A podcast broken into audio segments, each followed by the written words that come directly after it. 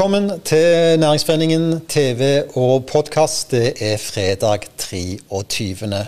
april. Og det betyr at vi som vanlig skal snakke om nye muligheter her i Næringsforeningen.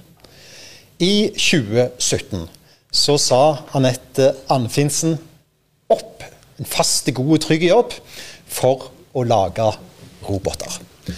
Hun ville bringe de jærske tradisjonene videre innenfor robotløsninger til industri, logistikksentre, helse og flyplasser. Selskapet heter Robotics Innovation. Møter du Anette i industrihallen ute på Ostad, så kommer det plutselig en eh, robot rundt hjørnet og gjerne tar med seg en palle videre.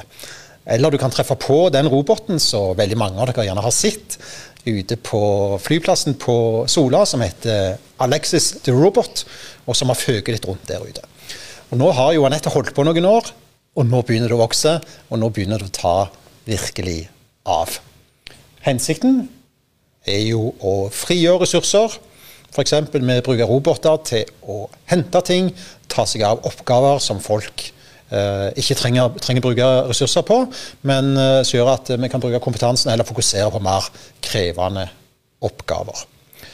Spørsmålet er om Anette Anfinsen er selve inkarnasjonen på en ekte eh, jærske gründer. Hun kommer i studio her om ikke så veldig lenge, men først, som vanlig, rett på sida, Tormod Andreassen, næringspolitisk leder i Næringsforeningen. Eh, Tormod, eh, helt siden 60-tallet så har vi snakket om eh, roboter og digitalisering og automatisering eh, her i denne regionen og på Jæren. Mm. Ja, og det, det, er jo liksom eh, På mange måter så kan vi jo altså Hvis du er fra Jæren, så kan du slå deg sjøl litt på brystet og si at det, det var jo vi som fant opp roboten. Eh, for det var jo faktisk det som skjedde. altså med, med Kanskje mange kjenner historien, men, men den, er jo, er jo, verd å gjenta. Den er, fall i sånn korte uh, ord. Altså den Tralfa-historien med, med, med, med, Olav nei, Nils Underhaug, som hadde denne trallefabrikken, som skulle, trengte en maskin til å pulver- eller spraylakkere disse trillebårene. Jeg hadde sånn liten trillebår da jeg var liten, fra Tralfa i alle fall. Um, og Så starta de da en, en, produktutvikling for å finne ut en eller annen maskin som kunne gjøre det. I 1964 Ole med var sentral i det, og i, i 1966 så ble den, eh, den roboten realitet. Og etter hvert så tok jo det over hele bedriften. altså Fra, fra midten av 70-tallet så var det jo det som var liksom eh, egen produktlinje, og etter hvert så ble det da hovedproduktet til Tralfa. Og, og de var jo eh, verdensledende. De hadde 50% av det globale markedet på roboter. Det var fra Tralfa, fra Jæren. Det var der de fant opp den moderne roboten. Det er kul industrihistorie, Harald. Og, og, så er det jo det som er så tøft med dette. altså Historien om roboter og automatisering i vår region, det, det slutter jo ikke på 80-tallet. Det fortsetter jo. Ja, det gjør jo det. Og, og det er klart vi står jo foran en revolusjon. Uh, I uh, industrien uh, ikke minst i, uh, i landbruket, uh, hvor uh, det vil skje f.eks. veldig mye framover når det gjelder landbruksproduksjon i de, de, store anleggene utover Jæren. tomatdyrking, agurkdyrking osv. Poenget er jo egentlig at bedriftene uansett framover vil se på nye og smartere løsninger som kan gjøre produksjonen mer effektive, og ikke minst sikker. Altså HMS aspektet er jo viktig oppi, oppi dette. Så roboter kan gjøre eh, farlige arbeidsoperasjoner. De kan ta vekk eh, statisk og unødig eh, arbeid, som kan gi slitasjeskader på folk. Og Poenget er vel at alt som kan robotiseres, vil jo bli det til slutt. Og vi kan bruke arbeidskrafta på mer fornuftige ting. Og det er jo sånn at hvis ikke din bedrift robotiserer seg, digitalisere seg, så vil jo konkurrenten gjøre det i innland eller utland. Og så har vi jo flere lokale eventyr, og, ikke bare på Jæren. Og uh, siden uh, nyheten om Autostore i Nedre Vats er relativt ferske, uh, og siden det er en så fantastisk historie, altså dette robotstyrte lagersystemet lagd på en låve i Nedre Vats, så må vi jo nesten nevne det, og, og være litt ekstra rause eh, når det gjelder hva, vi kaller lokalt og, og hva vi kaller regionalt. Så vi innlemmer da Nedre Vats i Stavanger-regionen akkurat i denne sendinga. Men Tormod, fra lakkeringsrobotene til Tralfa eh, og til hva for noe? Mye har jo skjedd. Ja, det er det det har. Og så tenker jeg bare det du sier med nederverds. Altså, jeg vil jo gjerne påpeke at ofte så blåser vinden på kryss og tvers av Buknafjorden, så vi, vi, vi super jo inn samme lufta til syvende og sist. Så det er nok derfor de har fått det til der oppe òg. Men, eh, men, men, det har skjedd utrolig mye. altså for det Altså, den, de første robotene var jo sånn som sto og lufta én ting, eller sto og lakkerte én ting og gjorde samme bevegelsen om og om igjen. Eh, og det er jo bra, for det, det, altså det hindrer jo slitasjeskader på de som normalt hadde stått og gjort samme bevegelsen hele dagen. Eh, men det det er nå, er jo autonome ting som rett og slett Jeg skal ikke tenke sjøl, men altså, de finner ut av løsninger sjøl. Altså, sånn der Alexis the Robot som du nevnte i starten her, på, som står på flyplassen den sier du jo til hvor du skal hen. Du trykker på en skjerm, og så kjører han der du skal. Uavhengig av hvor den står, han finner veien sjøl. Det er ikke sånn at det er en sånn der linje eller en sånn der snor i gulvet som han fyller, eh, eller noe sånt. Eh, og veldig mange av oss har jo roboter hjemme. Det er mange som har støvsugerrobot. En eh, plenklipperrobot vet jeg om eh, enkelte har. har eh, og, og, og andre ting. Så det er jo en rivende utvikling, og det er jo det industrielle vi skal snakke om i dag. Og jeg tror det er på tide å få inn gjesten. Skal vi gjøre det? Ja. Da har jeg lyst til å introdusere Anette, som nå er på vei inn i, eh, i studio. Eh, altså eh, driver eh, dette fantastiske selskapet. Engasjert menneske. Er med òg i Næringsforeningen, f.eks. gjennom lederrådet på Jæren. Ja. Velkommen i studio. Det er veldig kjekt å se deg. Tusen takk, og takk for at jeg fikk komme. Kjekt å se deg òg. Du, i 2017 ja. så valgte du å gjøre noe helt annet. Ja. Og du valgte å bli din egen sjef, og du måtte på en måte ta det spranget der. Kan ikke du forklare og fortelle litt om den avgjørelsen du tok da på det tidspunktet? Ja, jeg hadde jo jobba de siste årene før den avgjørelsen, så hadde jeg jo arbeidet i forskjellige gründerbedrifter. Så jeg har jo erfaringen fra landbasert industri og erfaringen fra olje og gass. Og de siste årene så var det jo teknologiutviklingsbedrifter, gründerbedrifter i olje og gass jeg hadde arbeidet i, og jeg ble nok grevlig påvirka av det. Og jeg følte at da var jeg i mitt rette element jeg, i disse gründerbedriftene, for det er mye som skjer, og, og sånn. Eh, og så tenkte jeg det at eh, den ultimate utfordringen for meg, det var å starte et teknologiselskap og få det til å rulle. Så tenkte jeg hvis jeg skal gjøre dette her, så må jeg gjøre det nå. Så det var liksom, Jeg kom til det punktet at det, det var det jeg hadde lyst til å prøve. Visste du hva du ga deg ut på? Hadde du gjort det samme i dag? Jeg visste ikke helt hva jeg ga meg ut på. Uh, og det har vært grella tøft. Men det har vært absolutt uh, verdt det. Det hadde nok gjerne gjort det en gang til, ja. Kan du si litt altså, altså, dere, altså, Fra å gi seg inn på noe sånt til å liksom få kunder til å si, begynne å få det til å rulle rundt. Altså, um, kan du si litt om, om den reisen? Og hvem, var, hvem er liksom kundene deres oppi dette? Hvem er det som tør, tørde å satse på dere? Ja, når jeg starta, så var det jo sånn at jeg skulle ikke gå inn og ta et marked. Jeg måtte skape et marked for den teknologien som jeg hadde troen på. Uh, og jeg hadde jo bare et kjøretøy. Jeg hadde liksom ikke et ferdig produkt heller når jeg starta. Så jeg, uh, når, jeg begynte å gå Jeg skaffet meg mye NTN-møte. og gikk, Først så gikk jeg ut mot næringsbygg, flyplasser og mot sykehus for å se og sondere markedet. Jeg fortalte om eh, hva vi kunne gjøre med denne teknologien for å få tilbakemeldinger hva de så for seg. Så jeg jobba tett mot markedet. Eh, og så utvikla vi egentlig det som markedet ville ha. Eh, og det er jo alltid sånn jeg tenker det at du klarer å utvikle teknisk, så klarer du å utvikle det meste. Det får du alltid til hvis du har nok penger og de rette folka. Men det er like hardt å gå kommersielt med ny teknologi som det er å utvikle teknologien. Gjerne hardere, for det er ingen som vil være den første kunden og bruke penger på dette. Alle vil ha et referanseprosjekt for å se det fungerer. Og da står du jo der. Så, så vi var jo grævla heldige at uh, vi fikk noen små oppdrag, og så etter ett år så fikk vi et samarbeid med Avinor der vi utvikler den serviceroboten på Sola. Tormod og meg har jo ubeskjeden som vanlig hevet oss frampå og prøvd å forklare hva, hva, dette er for noe i introen. Sant? Nå må du rette dette opp og forklare hva er det egentlig dere gjør.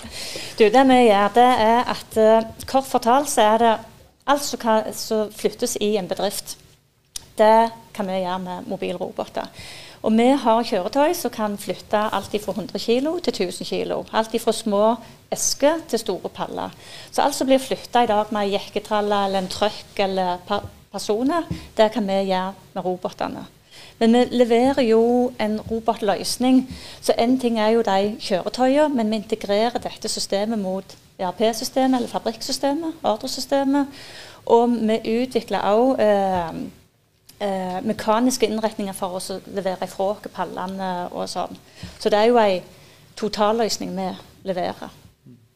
Hvem er det som er kundene deres? Er det norske, er det utenlandske? Altså, hvem er hovedkundene deres? Sånn? Ja, sånn når vi starta, så gikk jeg jo mot, uh, som sagt, mot uh, helse og flyplass og sånn. For jeg tenkte der er det ingen konkurranse. Men så tok industrien kontakt med oss. Og det som vi har sett, det er jo at nå er jo aktiviteten det er jo på industri, og det er på varelager, distribusjonslager. Det er der markedet er, og vi jobber primært mot det nå. Så nå har vi nettopp signert et stort uh, prosjekt for Haugstad Møbel der vi skal levere tre sånne pallastere og full integrasjon mot deres CRP-system og, og, sånn grafisk brukergrensesnitt til å kommunisere med dette. Og Vi har også fått Norgesgruppen som kunde, og der har vi levert et anlegg på Asko her i Rogaland og et anlegg på, eh, i Hedmarken. Så det er jo fantastisk. Men, men du, du, sa jo det problemet er jo å få den første kunden. Ja. Men eh, når den er på plass, så ser det ut som dette på en måte kan eksplodere. For nå går det jo veldig bra. Ja, når, vi, når koronaen slo inn da, i mars i fjor, da hadde vi tre store prosjekt som vi egentlig var helt i sluttfasen på å skulle starte opp på. Og det som skjedde, det var jo at vi mista hele inntektsgrunnlaget over natta. For at de ble satt på hold. For situasjonen ble jo veldig usikker.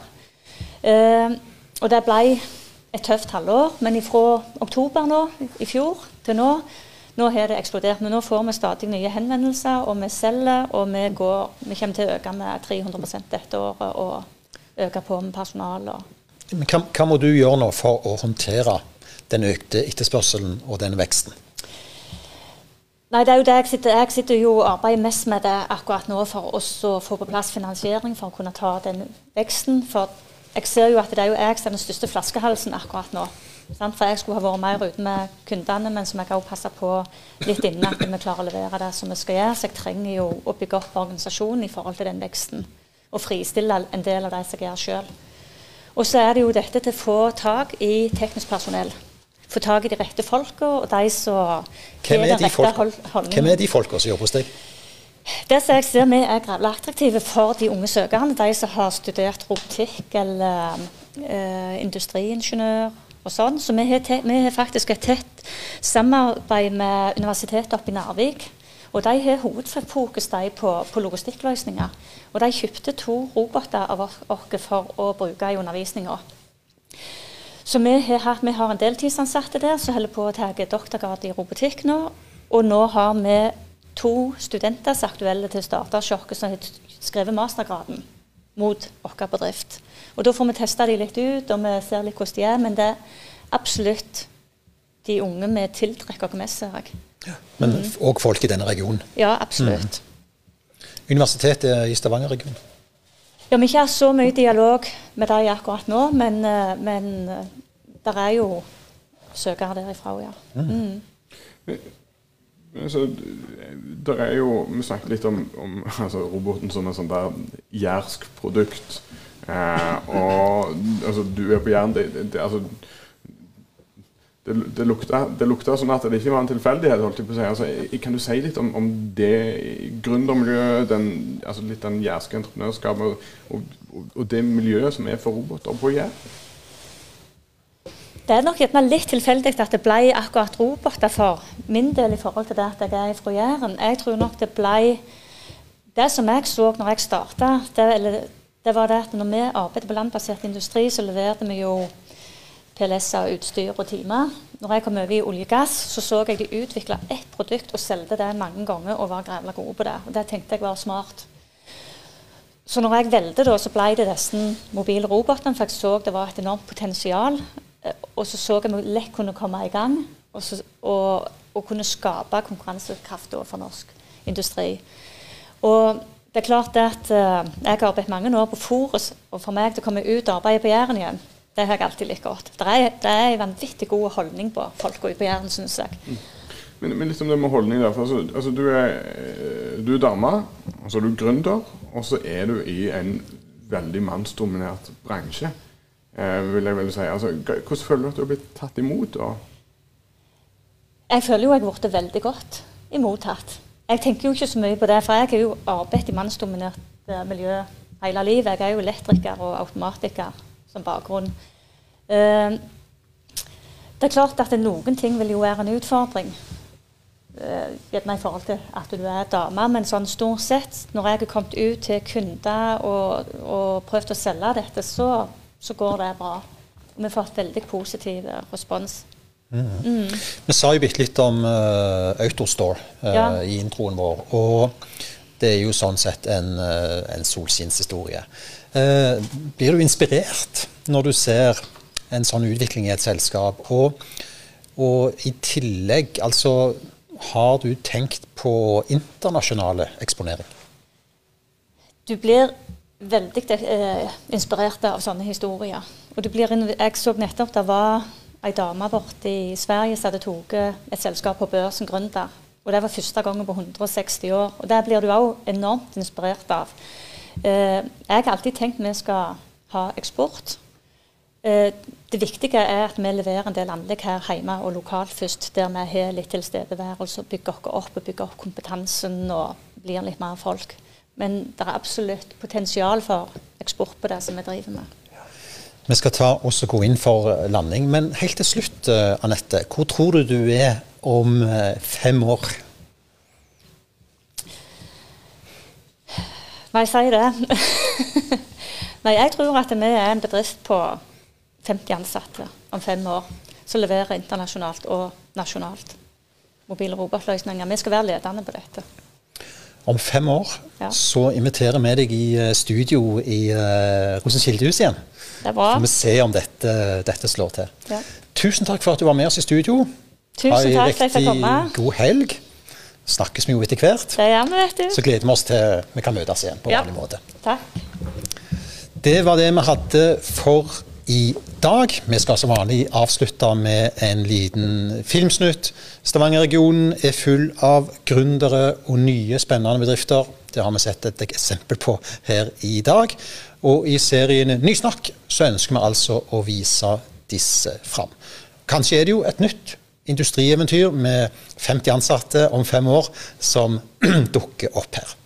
Tormod Andreassen. Harald Minge. Husk å holde avstand. Men ta godt vare på hverandre. God helg. Kjør film.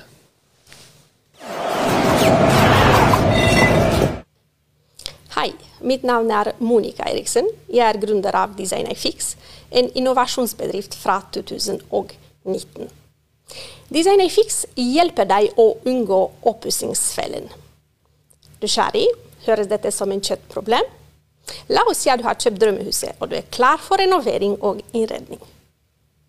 Men visste du at en av fire nordmenn går i oppussingsfellen?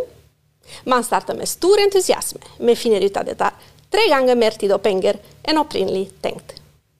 Nøkkelen til suksess er god planlegging. Slik jobber vi. Step 1 vi tar utgangspunkt i dine ønsker og behov. Step 2 planlegging. Vi bruker teknologi og best praksis innen project management og interiørdesign. Strep 3 masterplan. Vi hjelper deg å finne oppskriften på hvordan du skal lykkes med renovering og innredning til en brøkdel av markedsprisen. Nysgjerrig på hvordan du kan unngå oppussingsfellen? Det er bare å ta kontakt med Designifix. Vi er en liten bedrift som har store ambisjoner. Vi ønsker å vokse internasjonalt. I dag samarbeider vi med Innovasjon Norge, Validé, Vri Rogaland og Universitetet i Stavanger for utvikling av den tekniske løsningen. Vi er på jakt etter dyktige investorer som kan hjelpe oss å bringe bedriften til nye høyder. Så enten er du en boligeier som ønsker å unngå oppussingfellen, eller er du en investor som er på jakt etter spennende prosjekt, ta kontakt med oss. Vi vil så gjerne høre fra deg.